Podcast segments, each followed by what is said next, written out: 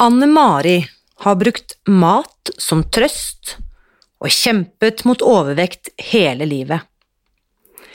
Nå i januar har hun begynt å spise seg fri, og hun opplever at det virker. I dagens episode svarer jeg på hennes spørsmål.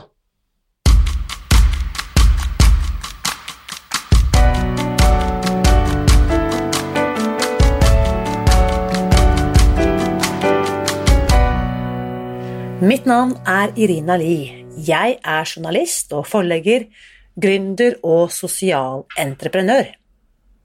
I 2015 spiste jeg meg fri fra overvekt og fedme etter å ha slitt med vekt, kropp og følelser i nesten 30 år.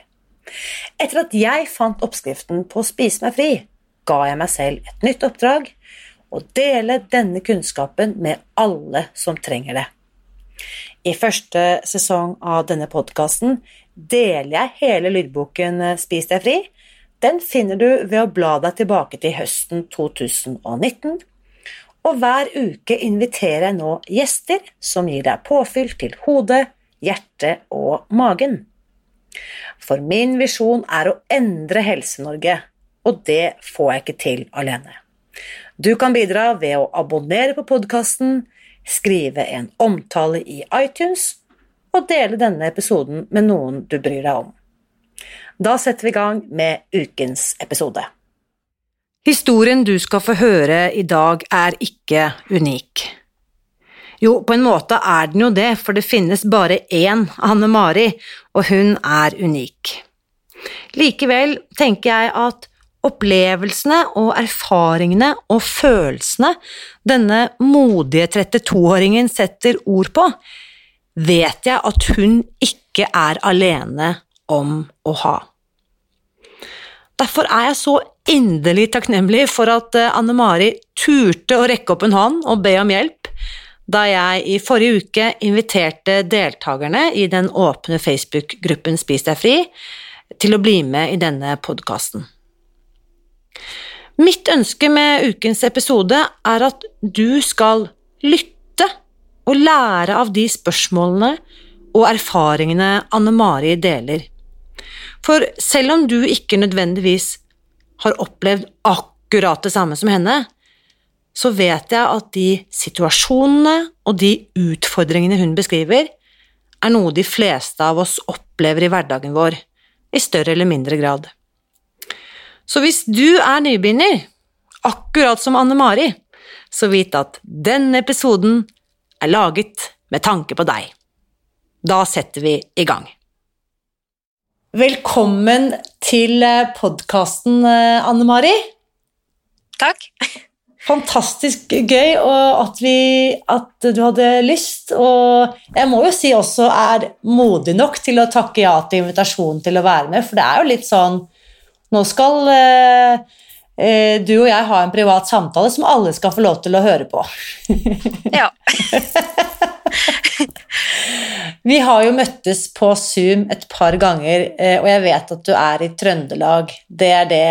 Og jeg vet at du er 32 år gammel. Men fortell litt mer, eh, Anne Marit, for de som ikke kjenner deg. Ja, eh, ja jeg er trønder. Eh, jeg er bosatt litt utafor Trondheim. Jeg, har, jeg er gift med en fantastisk mann, og så har jeg to barn eh, på seks og et halvt og fire år. Eh, Minstemann har en eh, spesial Eller spesial, hører du. Han har eh, down syndrom, så en kromosomberikelse. Eh, og så for tida så er jeg litt hjemmeværende, men jeg er arbeidsleder for Ragnars eh, BPA-ordning. Eh, så jeg har en del ansatte som jobber hjem her. Og så eh, Ja, jeg er veldig engasjert. Jeg jobber som likeperson. Jeg er leder for et småbarnsgruppe med barn med Downs syndrom. Eh, jeg er veldig for eh, åpenhet, for å engasjere meg. Eh, glad i kultur, sang, musikk, serier. Ja. Alt med lyd. jeg må bare spørre, jeg spoler tilbake. En likeperson, hva er det? Likeperson er en person som eh, kan bistå i situasjoner eh, som en medgåer. En medgåer som kan støtte eh, mennesker i ulike situasjoner som har det vanskelig. Eh, jeg er særlig for barn og foreldre som nettopp har fått et barn med Downs syndrom. Jeg kan komme på sykehuset, kan være med og bistå i samtaler. Jeg er ikke en eh, helseperson, men jeg kan eh, være der for de vanskelige og gode samtalene. Så kan jeg henvise videre til ulike instanser hvis det er behov for psykolog eller ja. Dette er jo fantastisk, for dette, det du beskriver her det, jeg, har, jeg, ikke, jeg, har, kanskje hørt begrepet, men jeg visste ikke at det, dette må jo da være organisert gjennom noen, eller er det typ sånn Er det en lokal forening, eller er det noe Er det Frivillighetssentralen som organiserer hvor er, det, hvor er det man kan melde seg som likeperson? Eh, du må gå et likepersonskurs. Ja. Eh, må du gjøre. Eh, jeg har gjort det gjennom, eh, gjennom eh, noe som heter NNDS. Det er Norsk nettverk for Downs syndrom. er det. Eh, der gikk jeg kurs i fjor høst. men ja, du kan gjøre det. Du kan spørre ulike foreninger. Jeg regner med at Røde Kors har det. Ja. Eh, ja, alle foreninger har det da, på en eller annen måte. Og så kan du bistå i eh, spesielle tilfeller, sånn som eh, mot en type gruppe, eller kan du jobbe mer bredt? Dette er veldig interessant. Bare, dette er jo for så vidt en liten avsporing, men en veldig viktig avsporing. Og det du beskriver der, er jo det vi i tolvtrinnsfilosofien, som jeg har snakket om mange ganger, som er en viktig, viktig komponent i Spis deg fri-filosofien, er jo nettopp tolvtrinnsfilosofien, der vi akkurat bruker disse begrepene. Vi snakker om å være en medvandrer. Mm. Vi snakker om at i denne når man finner en, det man i, tolvtrinnsprogrammet kaller en sponsor, så er ikke mm. det en lærer eller en mentor, men det er en som har gått de samme skrittene, kanskje gått startet litt før deg, og som kan ta mm. følge med deg på din vei. Eh, og da er jo akkurat dette poenget at jeg lærer av min sponsor, og jeg gir det videre til de som jeg eh, Til mine Dette er amerikanske begreper, da, sponsier, som det da heter. Det er, men det er fint å høre at dette, dette, fantastiske verktøyet er tilgjengelig også i fellesskap utenfor tolvtrinnsprogrammet, for jeg vet at det heller ikke er et program som nødvendigvis passer for alle. Og veldig mye av dette, det har du sikkert erfart allerede, Anne Mari, er jo prinsipper jeg også har på en måte integrert inn i, i Spis deg fri-gruppene. Det er jo sånn vi mm. gjør det. At vi er medvandrere, likepersoner, at vi møter hverandre i øyehøyde. Mm. Og det syns jeg kanskje er noe av det mest kraftfulle i disse menneskemøtene. Jeg møter deg sant, som har en helt annen kompetanse, en helt annen historie enn det jeg selv har. Og du er jo da tolv år yngre enn meg, så du kunne vært lillesøsteren min. Men samtidig så er vi på en måte kliss like, du og jeg. Vi kan møte hverandre i øyehøyde og vite at vi har hatt noen erfaringer i livet som gjør at vi trenger den samme kompetansen den samme kunnskapen og den samme kall det, støtten eller hjelpen. Da. Mm.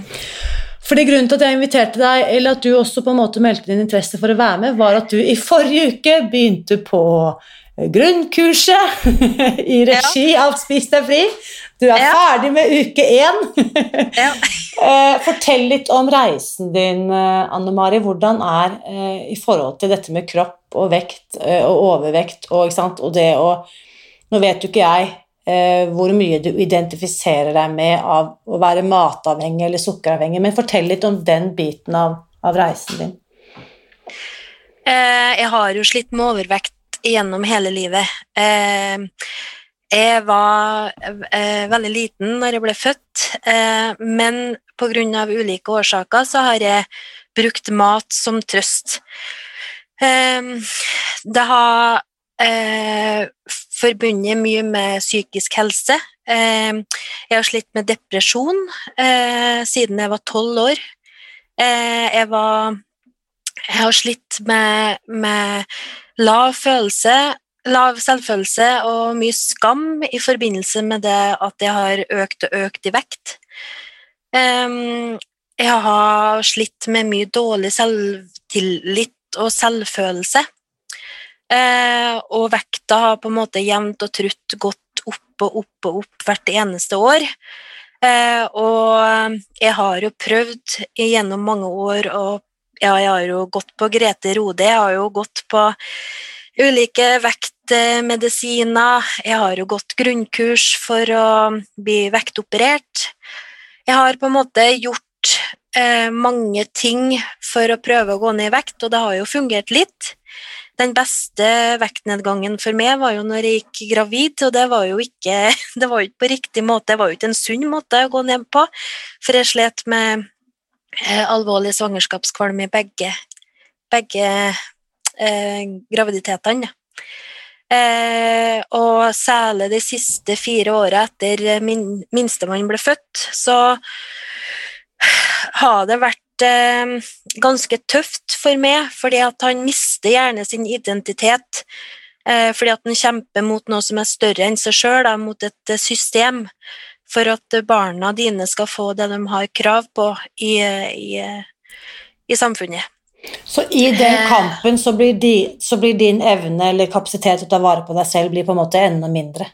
Enda mindre, fordi mm. at jeg har bestandig vært en følelsesspiser. Jeg har kanskje ikke vært direkte avhengig av sukker eller mel, selv om jeg har vært veldig glad i begge delene, men det har vært mest de følelsene eh, som jeg har slitt med. Og jeg hadde ingen annen mulighet, for jeg, har veldig, jeg er en veldig innelukka person. Det er veldig rart å si, fordi alle som kjenner meg, de sier at det er en veldig åpen og veldig sosial person. Men det som er sannheten, at det er veldig, veldig få som kjenner den jeg og min historie. Mm. Fordi at jeg har brukt eh, mat som en buffer istedenfor å fortelle om mine følelser. Mm. Eh, og jeg fant ut at dette her, nå er det nok. så i 2020 så gikk jeg til, og jeg går fortsatt, til ei fantastisk dame som jobber som psykomotorisk fysioterapeut. Um, og jeg har fått snakka gjennom kjempestore hindringer som har gjort det at jeg har endra tankemønsteret mitt. Jeg har endra hvordan jeg skal håndtere følelsene mine. Jeg har fått mer samspill mellom hode og kropp. Jeg tør på en måte å se meg sjøl i speilet nå, noe som jeg aldri kanskje gjorde tidligere. da. Um, jeg har tatt grep, og bare i år, på 21 dager, så har jeg gått ned 6 kilo. Så det er ganske vanvittig hvor mye tankens kraft har for kroppen, da. Det har det, Altså, jeg har hele tida slanka kroppen min, men hodet har aldri vært med, hvis du mm. forstår. Eh, men nå er, var, er hodet mitt behandla Eh, jeg føler meg for første gang fri, da. Og det er jo kanskje det ordet jeg liker best i eh, det du jobber med. Spis deg fri, men for meg så er nøkkelordet fri. For at fri fra overvekt, fri fra vonde følelser, det kan jeg ha, selvfølgelig, eh, men jeg kan jo være fri fra å, å bruke mat som en buffer istedenfor å eh, ta tak i det vonde, eller det gode. For at det samfunnet er jo dessverre sånn i dag at vi skal jo ut og kose oss, vi skal ut og spise, vi skal ut på kino, da skal vi gjerne spise popkorn. Vi skal ut i skogen, og til og med da så skal vi grille pølse. Vi skal på en måte hele tida spise Kvikk Lunsj, vi skal Alt er kos, men jeg bruker jo den kosen til selvmedisinering òg. Eh, til å gjemme meg bort eh, til å eh, bruke Jeg bruker på en måte vekta mi til å ikke delta lenger, fordi at jeg sliter med Altså, jeg må jeg, Før, da, og det må jeg fortsatt i dag òg Jeg må Jeg må Jeg må, jeg må Hva skal jeg si, da? Eh, jeg må legge en strategi for hvordan jeg møter hverdagen min. Fordi at jeg har jo ulike flyreiser jeg må delta på pga. min sønn. Jeg må ta buss, jeg må um, gjøre ulike aktiviteter. Jeg må eh, legge en strategi på hvordan jeg skal sette meg i den situasjonen, da. Jeg syns det har vært kjempevanskelig. særlig med den økende vekta jeg hadde. Så da er jeg på en måte ja, glemt å Eller jeg har på en måte unngått situasjoner, og da vil jeg jo si at da går jo jeg glipp av et fantastisk liv der ute fordi at jeg isolerer meg. Og for å snakke litt om Det var et par ting du nevnte her som jeg bare må stoppe opp litt ved. Du nevnte du har gått grunnkurs for vekt um, For å bli vektoperert. Mm. Forkurs heter det vel Forkurs for å bli vektoperert. Da snakker vi om slanke- eller fedmekirurgi. Ja. Uh, men du har ikke tatt den operasjonen? Nei. Hvorfor gjorde du ikke det? Uh, jeg var gravid uh, når jeg var der, uh, på forkurset. Og i ettertid så gikk jeg jo bare mer og mer opp i vekt, og da var ikke jeg Da hadde ikke jeg muligheten til å kunne ta operasjon når jeg ikke hadde gått ned det vektkravet. Nei, for du må gå ned så og så mange kilo eller så og så mange prosent mm. av kroppsvekten din. Kan jeg spørre mm jeg spør eh, Anne Mari, og så velger du å svare eller ikke. Eh, din BMI i dag, eller eh, din kroppsvekt, eller kan, kan du liksom gi oss et anslag? Hva, hva, er det vi snakker om? Ja, den er jo tre, tretalls eh, ja. Et tresifret antall kilo. Tresifret. Ja. Dessverre så er den det. Og du vet at eh, du har vært lenge nok i vår verden til å vite at du er jo langt fra den eneste som har det som utgangspunkt, så bare vit at mm. det er helt i orden. Eh, og BMI-messig, for du eh, er jo da eh, i kategorien fedme. Nei, sykelig overvektig. Sykelig overvektig. Mm. Hvor... Ikke så lenge til, da. Jeg skal ned nå. Ja, ja, ja. ja. Og, da, og det vil si en BMI mellom Ja, ca. litt over 50. Ikke sant. BMI litt over 50. Mm. Eh, da må jeg bare stille deg eh, Dette kjenner jeg et veldig sånn alvorlig tema, fordi at, som du vet, og jeg må si det hver gang, jeg har ikke noe medisinsk kompetanse, har ikke et eneste vekttall i verken ernæring eller medisin. Det ekspertene sier, er at hvis du har en så høy BMI, så er du kronisk syk. Det er ikke kurerbart. Hva mm. tenker du om den påstanden, Anne Mari? Tull. Takk og lov at du sier det! Eh, jeg tenker det at eh, et menneske består av så mange ting. Det er så mange lag, det er så mange erfaringer, det er så mange eh, gode, positive hendelser i livet som gjør til at du enten går opp i vekt, eller du velger ulike avhengighetsskapende midler. Mm. For meg så var mat min måte å unn altså å, å, fjerne meg fra verden som var så vond, da. Mm. Eh, og til slutt så blir du isolert av den vekta du lever i i dag. Og det som er verst, er at jeg ikke føler den som er innvendig i dag. Det har jeg aldri følt. Jeg har aldri følt at den som er på utsida, er den som er inni. Men til slutt så bare eh, Jeg tror du på slutten bare resignerer Eh, og så må du finne en grunn til å leve, og så må du finne en grunn til å endre. Og det hjelper ikke med ytre faktorer hvis ikke du sjøl har det bra inni, mm. inni, det.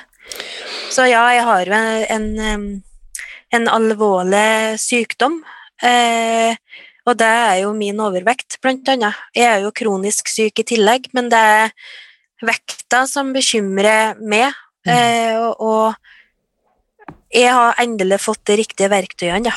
Fantastisk. Og det som jeg også er veldig glad for at du sier, du nevnte jo denne psykomotoriske fysioterapeuten, ikke sant? Og mm. jeg har selv ikke gått til det, men jeg vet litt om hvordan den typen fagfolk jobber. Og det handler jo om nettopp det som hvis på amerikansk sier de at the issues are in the tissues. Altså mm. det vi har blitt påført følelsesmessig, mentalt, emosjonelt, det setter seg i vevet vårt. Det setter seg i muskler, det setter seg i nakke, skuldre, rygg. Hofte, knær, legger, mage, hjerte. Og hvis vi faktisk da veldig varsomt Dette her vil jeg jo Jeg har jo vært utsatt både for gode behandlere og dårlige behandlere, og det finnes jo de som Til og med i yogarommet kan dette faktisk begås overgrep. Hvis det kommer en yogalærer før du er klar for det, som bare bender deg åpen, så Mm. kan det være at du på en måte utsetter kroppen for et nytt traume. Så jeg tenker på de mest klokeste, skånsomme yogalærerne er jo de mest de, altså de, de mest kjærlighetsfulle som lar kroppen ta den tiden det tar.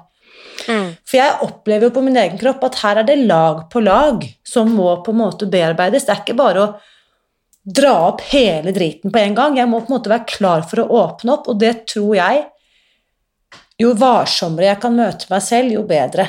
Eh, Det Mm. går ikke an å være effektiv i tilfriskning, hvis du skjønner hva jeg mener. Nei, det går ikke. Hvis det tok meg 44 år å komme hit hvor jeg er i dag, så må jeg kanskje bruke litt mer enn 90 minutter på en yogamatte for å få kontakt med det som ligger lagret i kroppen. Eller litt mer enn én uke på et eller annet helgeworkshop eller retreat. Eller mer enn to timer hos en uh, psykomotorisk fysioterapeut. Dette er arbeid som krever litt tid. Mm. Så hvordan er det, hvordan står du til med, for å begynne litt uh, i en litt annen ende, hvordan står du til med tålmodigheten din, uh, Anne Mari? Eh, jo, det, det, det eh, I forhold til tålmodigheten så går det veldig bra. Så bra. Eh, det er mer den derre sabotøren som kommer av og til og sier, eh, særlig helg, på kveld. Eh, jeg er jo eh, ung, eh, så jeg har jo venner som drar på fest. Ikke akkurat nå i denne pandemien, selvfølgelig, men det er jo noe jeg kommer til å møte. Jeg kommer til å møte eh, ja, eh, venninneselskaper, foreninger, ting som kanskje kan eh, forsterke den sabotøren, da, og det å stå imot det som en gang var. Eh, men det er veldig rart, jeg som er så overvektig, jeg har spist veldig lite på sånne treff. Jeg drakk veldig lite, jeg tok aldri og rørt pot- potetgullskåla, fordi at jeg tenker at ja, men se på Eh, Det er jo de indre tankene som begynner å, å sveve, sant? Se på hun burde i hvert fall ikke spise mer. Jeg føler mye skam rundt min egen overvekt. Eh, og det gjør jo at eh, når jeg er alene, så gjemmer jeg meg mer og spist mer, da. Mm. Så det blir veldig rart. Og du beskrev jo litt hendelsene også, typ å planlegge hverdagen i forhold til flyreiser, bussreiser, offentlig transport, Mm. sånn og sånn. Er det rett og slett at du tenker at da må du forberede deg på å be om et eh, sånn forlengelse av setebelte, eller at du kom, altså sånne praktiske ting? Ja. Eh, nå jeg må bestandig spørre, eller ofte, da, så må jeg spørre om jeg kan få lov til å få en sånn sete, nei, seleforlenger. Eh, på buss så ser jeg jo det at det er veldig få som kommer og setter seg ved siden av meg. Eh, noen velger å stå i stedet, og det er jo veldig sårende for meg, da. Men jeg tenker at ja, men det er jo sikkert fordi at det eh, jeg rommer jo ett og et halvt sete. Mm. Eh, så det er veldig mye sånn skamfølelser og veldig mye sår, sårhet i det.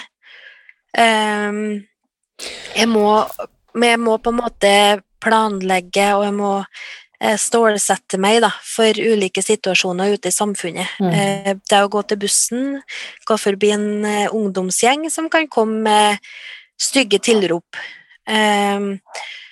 Det er på en måte å stå i prøverom.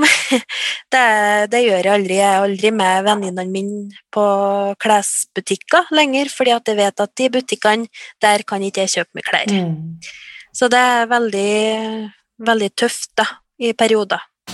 Og det jeg husker, eh, og jeg har snakket med mange som har fortalt tilsvarende historier, det at jeg blir identifisert med størrelsen på kroppen min, at jeg, der kommer det vandrende en person som enten er lat, eller grådig, eller ukyndig, eller eh, dum, eller altså skjønner, at det er på en måte du blir en representant for alt det som er eh, forbundet med overvekt. Mm. Der kommer du vandrende på to ben og representerer det. Mm. Um, jeg tenker at det er en utrolig eh, Vi hadde en gjest på podkasten her eh, i fjor som fortalte nettopp det, om at hun hadde gjennom forskning avdekket at sykelig overvektige pasienter får dårligere Altså møtes med fordommer i helsevesenet. Ja. Ikke sant? Det er jo Det er, veldig, det er veldig morsomt at du sier det, for at eh, jeg har ikke møtt noen andre enn fordommer i helsevesenet. Når jeg ble gravid med min, minste eller min største sønn, eh, så var jeg til jordmor. Jeg gleda meg veldig mye, for at jeg tenkte at oi, nå, skal jeg, nå er jeg blitt gravid. Jeg trodde jo ikke at jeg kunne bli gravid eh, av min vekt. Eh, og så dro jeg til ei jordmor, og jeg var jo, jeg var jo kjempestatisk. Eh, du skulle ha tenkt på ungen og ikke blitt gravid, var det første hun sa til meg. Eh, jeg var jo kjempeknust, for jeg tenkte jo at da fortjente jo ikke jeg til å være mor. da. Eh, og så begynte jeg å tenke ja, jeg er egoistisk, da. Jeg mista jo mye av gleden til å være gravid, for jeg ble jo mer og mer opphengt av vekta. Eh, men heldigvis, da, på en måte så gikk jeg jo ned. Eh, jeg hadde jo alvorlig svangerskapskvalme, og jeg kasta jo opp, og så fikk jeg brokk og mer til, men det, jo, men det var jo bra for noen ting, da, og det var jo vekta. Og dagen jeg kom før fødsel, ja, og han måtte bli født via keisersnitt, så, så sa de det at jeg, ta, jeg ville gjerne ta meg en dusj etter det keisersnittet dagen etterpå. Og da var det med ei, en sykepleier eller en jordmor inn da, på, på badet. Eh, og da sa hun det til meg når jeg sto naken og usikker og utrygg med et stort keisersnitt på, på magen, og så sier hun da at Nei, eh, du må ta grep nå så ungen din ikke blir mobba for å ha så overvektig mor, og at du vet du, det finnes slankeoperasjoner, og så må du tenke på at hvis ungen din blir like stor som det, så må du Altså, du må passe kostholdet til barnet nå. Eh, og studert med hun, hun, hun, hun studerte med nesten centimeter på centimeter. Jeg lurer på hvis, hvis, hvis, denne personens arbeidsleder eller personalansvarlig på den avdelingen hadde fått vite om det uh, mm. Uh, altså, dette, dette, altså Hoder burde rulle. Jeg kjenner at jeg blir så forbanna. Altså, altså, la oss si at uh, i ingen andre arbeidssituasjoner eller der en fagperson behandler en pasient eller en kunde eller en bruker, eller kall det hva du vil, på den måten Vedkommende hadde ikke beholdt jobben. Det der er ulovlig. Mm. Det er rett og slett ulovlig, og jeg kjenner at det, dette rett og slett må få konsekvenser. Det er ikke vi som bærer på overvekt av ulike grunner, som skal stå og tåle det der. Nei. Nei, altså, jeg fikk nok en fødselsdepresjon i etterkant fordi at eh, jeg gjemma meg kanskje enda mer bort. Jeg brukte mer mat som en buffer igjen, da, fordi at det var jeg, jeg hadde så vanvittig skam, og jeg ville ikke gå gjennom et svangerskap til, for jeg, greide, jeg tenkte jo at jeg, hver gang jeg kom på et møte, et møte i helsevesenet, så var det Har du, har du eh, svangerskapsdiabetes, eller har du diabetes fra før? Har du høyt blodtrykk? Har du Altså, du går gjennom ei, ei liste, da, av ting som kan skje hvis du er overvektig. Eh, og så får du høre gjerne eh, persons mening, sin personlige mening om, eh, om hva de syns om overvektige. Eh, og det er jo ikke bare min historie som er unik bare her. Jeg har blitt kontakta av så vanvittig mange folk og mødre, eh, folk som ikke har fått barn, folk som er gravid, og folk som har gått gjennom fødsler med vonde eh, tanker da, om seg sjøl. Eh, for du føler jo at du har feila på mange mm. måter, fordi at du ikke ser ut som resten av samfunnet. Jeg, jeg, tenker bare, altså jeg vil bruke litt tid, tid, på dette fordi at jeg vet at det er mye helsepersonell som hører på denne podkasten. Og det du beskriver her, Anne Mari, er sjelden vi hører fortalt i på en måte så klartekst det du utsettes for som overvektig. Så jeg tenker at dette er sånn som burde inn på pensum til liksom sykepleierstudenter, medisinstudenter, alle som har med mennesker å gjøre. Mm. Dette er ikke greit. Eh, det ødelegger liv. Og dette du ja, beskriver, er faktisk det bidrar til å gjøre livet enda mer miserabelt for de som allerede er eh, i en sårbar situasjon. Hmm. Så, men ok, vi spoler frem. Du har funnet Hvordan fant du frem til Spis deg fri? Hva, hva var greia der? Hvordan hørte du om, om dette? Jeg var på Instagram, og så så jeg det var flere av eh, veteranene som var og la ut eh, fargerike, flotte tallerkener. Så tenkte jeg hm, hva er dette her for noe? Eh, og så Jeg vet ikke, men det er bare som alle sier, så skjer det et eh, snepp oppi huet, og du er klar. Eh, og eh, utenom et unntak forrige helg, så har jeg vært bright light i hodet og ikke inntatt noen ting Ikke, ikke drukket Pepsi. Ikke, nesten ikke drukket kaffe. Jeg var veldig glad i juice og ja. Eh, det er kanskje måltidsporsjonene som har vært mye for store. Eh, og så har det vært mer søtsaker på kveld, men det er ingenting som har blitt spist annet enn det som, det som skal være. Husker du, husker du når det var at du liksom Klikk! Når det der eh, øyeblikket kom? Var det Jeg tror det var 3. eller 4. januar Ja, nå på denne siden av nyttår. Mm. på denne sida. Mm. Eh, Så vi snakker, ikke sant, nå er vi i uke fire, så det er jo ikke lenge siden i det hele tatt. Eh, Fortell litt, du har holdt på i 21 dager, sa du her i stad. Hva Ja, har vært eh, nå, nå, Her har du meg til din disposisjon. Hva kan jeg hjelpe deg med? Hvilke spørsmål eh, har du som du tenker at du må ha svar på før denne dagen er over? Eh, nei, det handler vel mer om eh, Altså, jeg har jo kikka på veteranene eh, forrige onsdag når vi hadde et møte, eh, og der fikk jeg mange gode svar. Gjør måltidene så enkelt som mulig i starten for å komme inn i gode rutiner. For det jeg har slitt litt med, det er jo at jeg, jeg er jo småbarnsmor, eh, og jeg skal jo lage mat til mine små, eh, som skal være eh, ja, enkelt for dem å, å spise. Da. Og særlig minstemann som har eh, hatt eh, spisevegring, så er det jo viktig for meg, han spiser jo ikke eh, grønt, eh, at det passer godt for han å spise, da. Eh, men eh, den derre brøkregninga og derre én til to ja, hvor mye proteiner jeg kan bruke, da, eh, og dele litt, det syns jeg har vært litt vanskelig.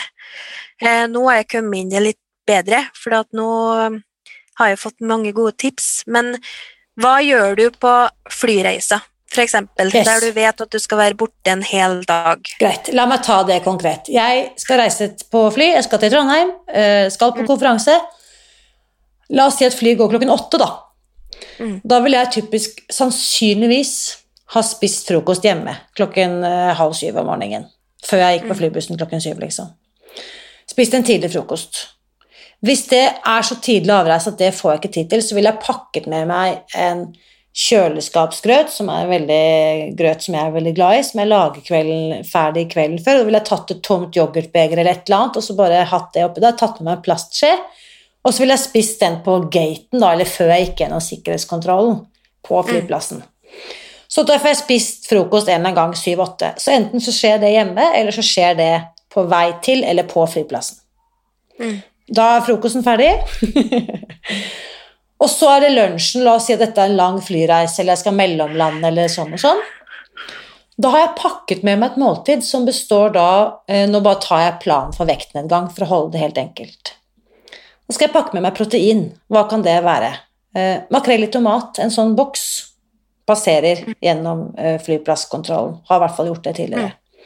Det for meg er én protein og litt tomatsaus, som regnes som tilbehør. Da snakker vi om den lange, ikke sant? du vet den lange av boksen. Hvis makrell i tomat ikke er min favoritt, så ville jeg kanskje tatt med meg eh, eh, en boks med kikerter. Mm. Ikke sant? Veid opp seks ounces med kikerter. Og så ville jeg tatt med meg en pakke, og det kan være så enkelt som en plastpose med skrelte gulrøtter, agurkstaver og litt paprika. Og bare gjøre det superenkelt. Eh, til fettkilde så har jeg, når jeg er på reise, eh, ofte nøtter. Mm. Og det som er komisk, er at jeg skal vise deg Nå ser vi ikke de som hører på, men jeg skal vise til deg, Anne Mari. Jeg har kjøpt på apoteket en sånn rull med sånne medisinposer. Oh, ja. Eh, sånne bitte små sånn, Det ser ut som en bitte liten plastpose. Den er kanskje 10 ganger 5 cm, som du vanligvis kanskje har sett at bestemoren din har fått utdelt på gamlehjemmet. sånne Det er ofte at det puttes oppi medisiner. Og når jeg kjøpte disse posene, en rull med 100 sånne stykker, på mitt lokale apotek, så spurte han apotekeren Jeg må bare spørre hva skal du ha det til? For jeg er sikker på at det er ganske mange sånne narkopushere som bruker dette som sånn der dele opp brukerdoser i disse små plastposene. Så han så litt skeptisk på meg, så sa jeg um, jeg skal bruke de for å pakke nøtter for å ha med meg på reise. Og da bare Ja, ja vel, ja vel. Så fikk jeg kjøpe disse posene, da. Men én sånn er typisk Da pakker jeg liksom én porsjon fett i en sånn liten pose. Og de har jeg Hvis jeg skal på lengre tur Unnskyld. Hvis jeg skal på lengre tur, la oss reise, si at jeg skal fly til USA eller noe sånt, så kan jeg putte oppi masse sånn i håndbagasjen, for da vet jeg at da kan de også supplere meg som proteinkilde. Ja. Ikke sant? Så da har jeg nøtter som eh, begge deler. Og da har vi vel, og så tar jeg bare med meg en frukt, og fort, fort på reise så blir det fort en, eh, et eple eller en pære eller to klementiner. Mm. Så igjen, det der prinsippet som jeg vet at vi har snakket om mye på grunnkurset allerede, å holde det superenkelt, det er enda viktigere når vi skal på reise eller skal gjøre noe utenom vanlig. Mm. Jeg bruker å forskyve måltidene mine litt, fordi at jeg, hvis jeg spiser klokka sju på morgenen, så er jeg veldig sulten på kveld. Så jeg prøver også å forskyve måltidene mine sånn at jeg spiser siste måltidet sånn i seks-sju-tida. Er det for sent? Ja, det er interessant, for at jeg har testet begge deler. Um, det jeg har prøvd på, er av og til, hvis jeg, skal, hvis jeg vet at jeg skal jobbe sent, eller jeg skal på middag hos noen venninner klokken åtte på kvelden, et eller annet sånn sent på kvelden, så jeg har av og til prøvd å forskyve lunsjen, sånn at istedenfor å spise lunsj da klokken tolv, så har jeg spist den klokken to. Men da er det hos meg som om at hvis jeg har, Da har jeg blitt skikkelig sulten før lunsj, og da er det som om den lunsjen som vanligvis ville holdt meg god og mett, den holder meg liksom ikke mett. Så når jeg da Nei. kommer til middag, så har jeg flere ganger erfart at da er det vanskelig for meg å holde linjene på kvelden. Ja. Så min absolutt Og dette må vi bare teste litt individuelt. For meg er den absolutt mest fredfylte, fredfylte opplevelsen at jeg spiser måltidene mine til mitt spisedøgn. Stå, spiser frokost typ en halvtime etter at jeg har stått opp. Lunsj klokken tolv, middag ved femtiden. Da er jeg på mitt lykkeligste. Og da er det også sånn at den sulten kommer ikke på kvelden. At da har Nei. jeg på en måte et stabilt blodsukker idet jeg går inn i kvelden. Eh, Men hvis jeg pusher det for lenge mellom måltidene, så er det som om dette blodsukkerkjøret er i gang igjen. Mm. Så test det Ja, litt, eh, Anne Marie, og, og prøv begge deler, og, og registrer sant, i matplanen din. Ja, denne dagen så spiste jeg frokost ti, lunsj to og middag seks. Nå føler jeg meg sånn. La meg teste i morgen. Da spiser jeg frokost åtte, lunsj tolv og middag fire. Hvordan føler jeg meg nå?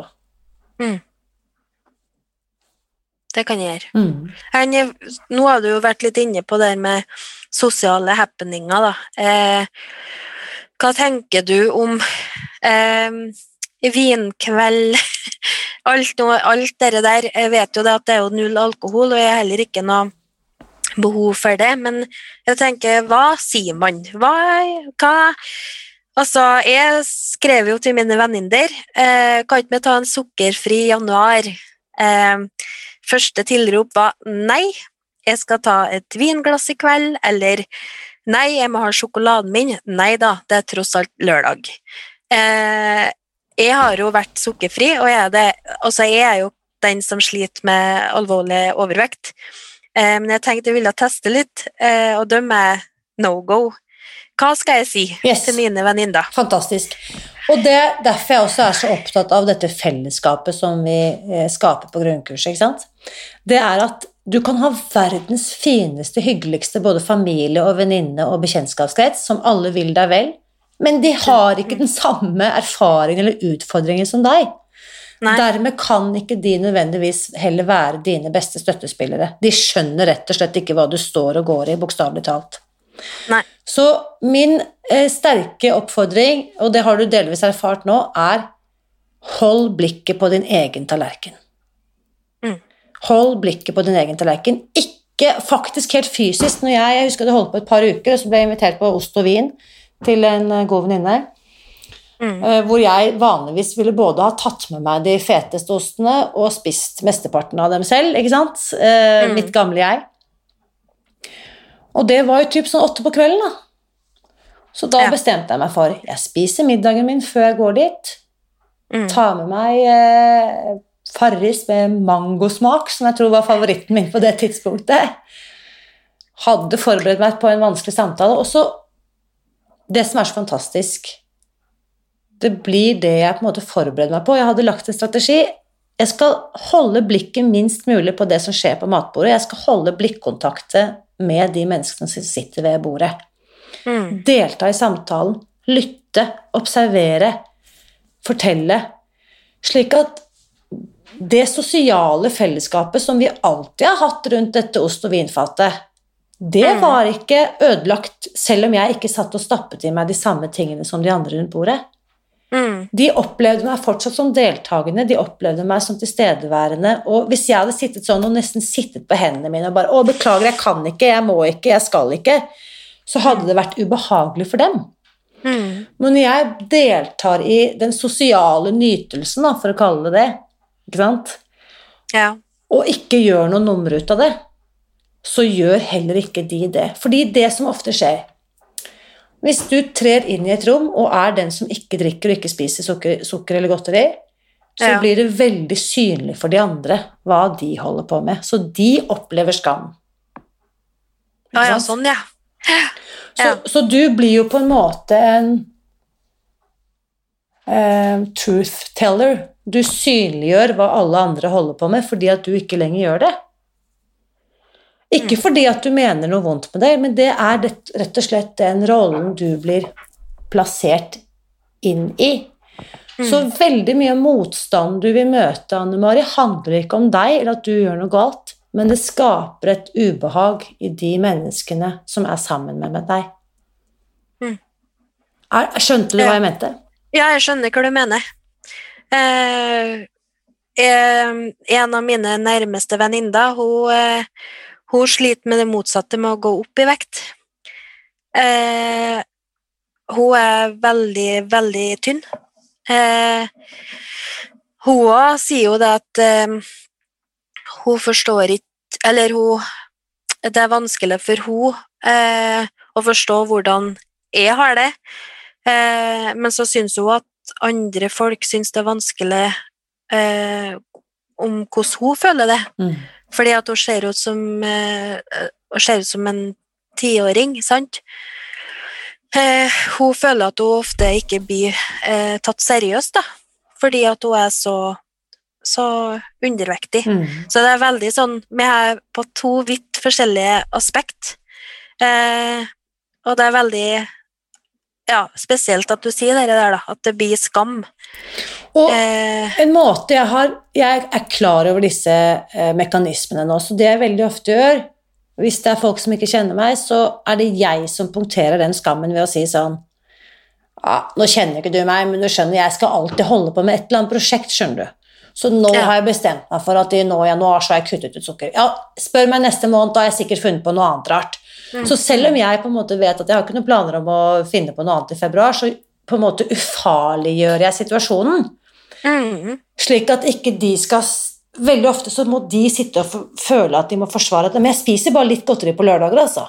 Jeg spiser bare, tar bare ett glass rødvin. Jeg, drikker, jeg er ikke alkohol... Altså, skjønner?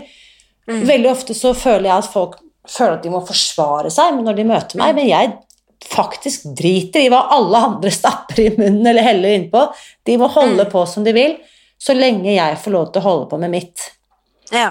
Og hvis de er skikkelig pushy, og kom igjen, Anne Mari, og vi har jo laget favoritten din, og du er alltid sånn, og ikke vær så kjip Hvis det blir sånn, Mm, så sier jeg nei takk. Nei takk. Og bare smiler og sier, gjentar nei takk, og gjerne liksom kombinert med en håndbevegelse, som du ser at jeg gjør nå. Liksom. Nei takk. Ellers takk. Tusen takk. Nei takk. Og så eh, Noen gir seg jo ikke der heller. Eh, noen pusher jo på. Og da, den ene gangen så måtte jeg si sånn eh, Kjære deg, jeg vet at du eh, vil meg vel. Eh, og du ønsker at jeg skal smake på den eh, mandelbunnskaken, eller hva det måtte være, ikke sant. Mm. Hva hadde du sagt hvis jeg hadde fått påvist nøtteallergi? mm, Hadde du pushet meg like mye da? For jeg opplever at du nesten presser meg til å spise den kaken. Mm. Og da blir jo folk litt sånn Hei sann, det var ikke meningen. Sorry, jeg bare kødda. Mm. Og så sier jeg sånn For jeg skjønner at dette er vanskelig for deg å forstå, men hvis jeg spiser det sukkeret, eller pjåter på med den kaken, så får jeg det fysisk og psykisk vondt. Mm. Så jeg gjør dette nå for å ta vare på min egen helse. Så jeg vet at den kaken smaker godt. Kos deg. Ellers tusen takk. Mm. Og hvis ikke de skjønner det heller, da tenker jeg i dette rommet har jeg ingenting å gjøre. Her er det ikke mennesker som vil meg vel. Nei.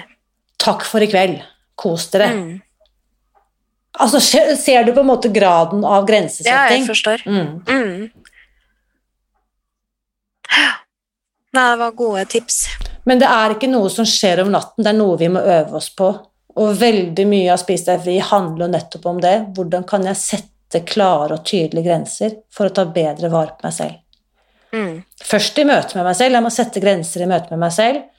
Og så må jeg øve meg på å kommunisere dette til, til andre. Og bli respektert for det, for det er jo egentlig det vi gjør. Eh, Vi spiser oss fri fra liksom disrespect, ikke sant? Mm. Mm. Mm. Ja. Ja. Nei, det Det er vanskelig, for at eh, Jeg tror at du, du du vil så gjerne bli likt, sant? Du vil så gjerne være en del av samfunnet, og så gjør du kanskje noe som er litt mer kontroversielt. Eh, og det er så mange som ikke forstår da, at eh, 'Å ja, du holder på å slanke deg'. Mm. Eh, nei, jeg er slanket meg. Jeg gjør en livsstilsendring. Ja, men det er jo å slanke seg. Eh, men jeg syns ikke det, da. Fordi at jeg prøver å gjøre noe med livet mitt for å leve lenger. Eh, Min motivasjon er jo ikke vekt sånn sett, fordi at jeg har så mange kilo å gå ned. Hver, hvert kilo er en bonus. Men for meg så er det den energien jeg har fått, da. Eh, og så tror jeg det handler så mye om mestring. Jeg føler mestring at jeg greier dette her nå, eh, og jeg er jo bare på dag 21-22, men det er den energien som jeg har fått, eh, og den mestringsfølelsen som har gjort det at jeg føler meg så godt om meg sjøl. Eh, det er så planlagte måltid. Jeg tenker, trenger på en måte ikke å tenke noe mer om hva jeg skal spise, eller ja, og så legges det jo enda mer sunne vaner inn i familien. Det, det er jo flust på kjøkkenbordet nå. Det er jo det er, grøn, det er grønnsaksfruktbordet. Vi har, vært vi er veldig, veldig bevisst, i hvert fall jeg har vært veldig bevisst om godteri til mine barn, eh, fordi at jeg vil ikke at de skal ende opp sånn som meg. Eh, så det har vært kun én dag i uka. Eh, de har aldri nesten drukket brus, eh, for at de har prøvd det, men de likte ikke det. Nei, nei, men da Mm. Hvorfor skal du drikke det, da? Eh, men det handler litt sånn om den mestringsfølelsen og det med at jeg har så mye energi, og jeg er jo kronisk syk. Og jeg har jo tatt eh, svært lite til ingenting Paracet, som jeg står på fast for mange ganger for dagen. Jeg har jo astma. Eh, Jeg håper jo på at det skjer en endring med det, at det blir eh, bedre. Kanskje trenger litt mindre doser. Jeg, jeg må jo ta syrenøytraliserende pga. det brokket som jeg har fått i spiserøret etter eh, mine svangerskap. Eh, kanskje at jo lettere jeg blir, jo mer avslappa jeg blir, jo mer skuldrene senker seg, føler meg mer vel med meg sjøl, jo mindre medisiner trenger å gå for det. For at jo mer jeg skaper eh, utrygghet, jo høyere fer skuldrene opp, jo mer redd blir jeg for eget liv. Jeg er redd for å dø før mine barn. Selvfølgelig er jeg det, for at jeg er overvektig. Fordi at eh, jeg er i risikogruppa for korona, f.eks. Eh, det gjør noe med Mm.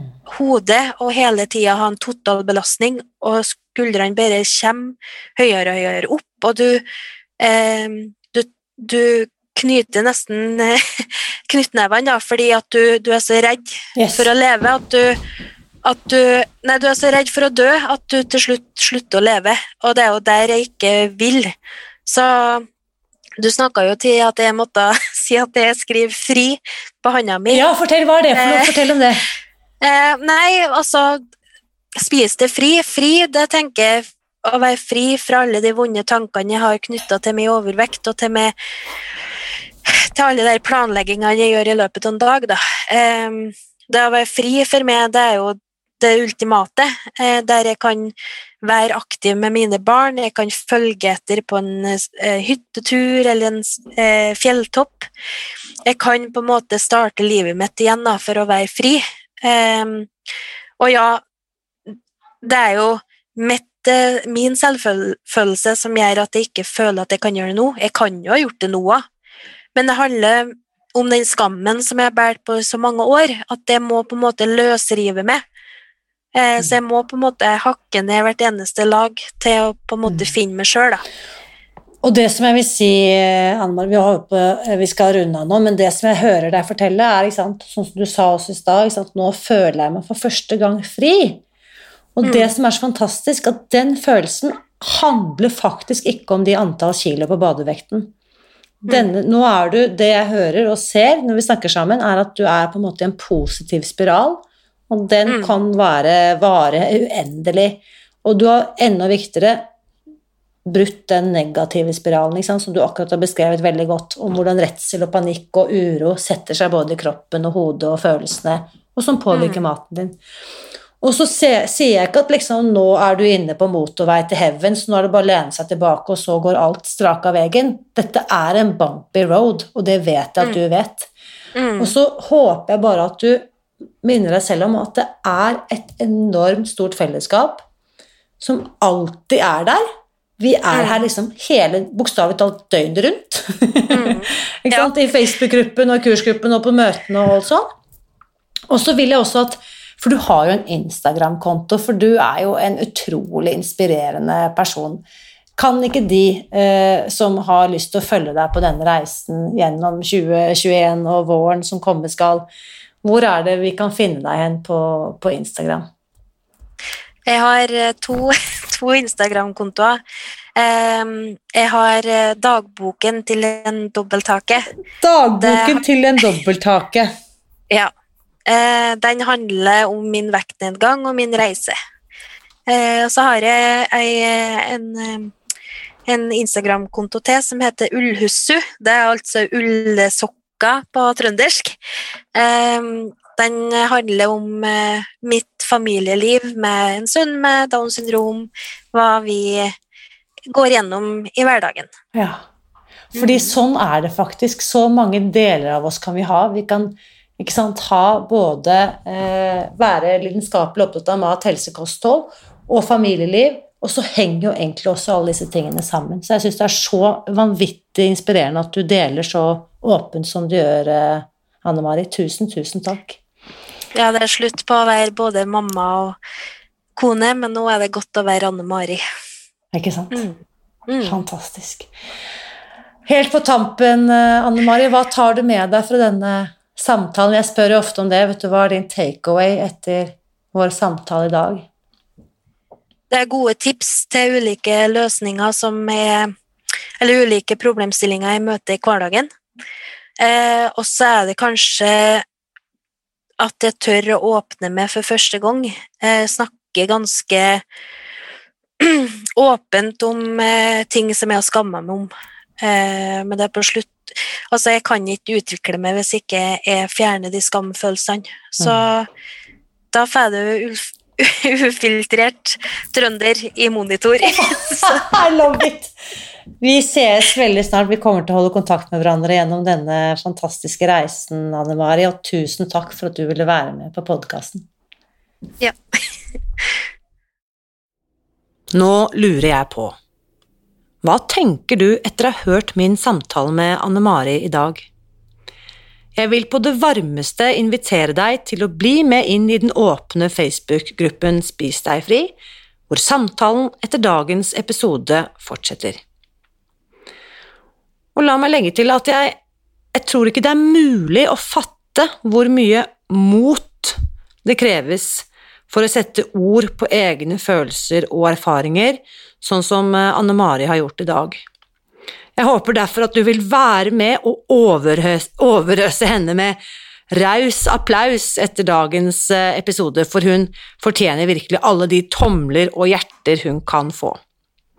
Du kan altså møte Anne Mari i den åpne Facebook-gruppen vår Spis deg fri, eller hvis du foretrekker å være anonym, så kan du klikke deg inn på iTunes og legge igjen fem stjerner og skrive en hyggelig tilbakemelding til henne som en omtale på vår podkastside i iTunes. Da bidrar du samtidig til at mange andre kan finne frem til denne podkasten og alt det livsviktige vi snakker om her, hver eneste uke. Og som jeg nevnte i forrige uke, så tilbyr jeg denne våren personlig veiledning til et lite antall personer. Så hvis du vil vite mer, kan du sende meg en e-post på irina krøllalfa irinali.no. Du finner også den e-postadressen i omtalen av denne episoden, og når du tar kontakt, så kan vi sammen finne ut om eh, Kall det én-til-én-coaching eh, er den rette løsningen for deg. Og skulle du ønske å få hjelp her i podkasten, sånn som eh, Anne Mari har fått i dag, så vil jeg oppmuntre deg til å bli med inn i den åpne Facebook-gruppen vår, Spis deg fri, hvor jeg med jevne mellomrom inviterer deltakerne eh, til å bli med på denne podkasten. Så hvem vet, Kanskje neste gang er det du og jeg som eh, snakker sammen? Uansett hva du velger å gjøre, så vil jeg oppmuntre deg til å be om hjelp. Og vit at jeg heier på deg. Alltid.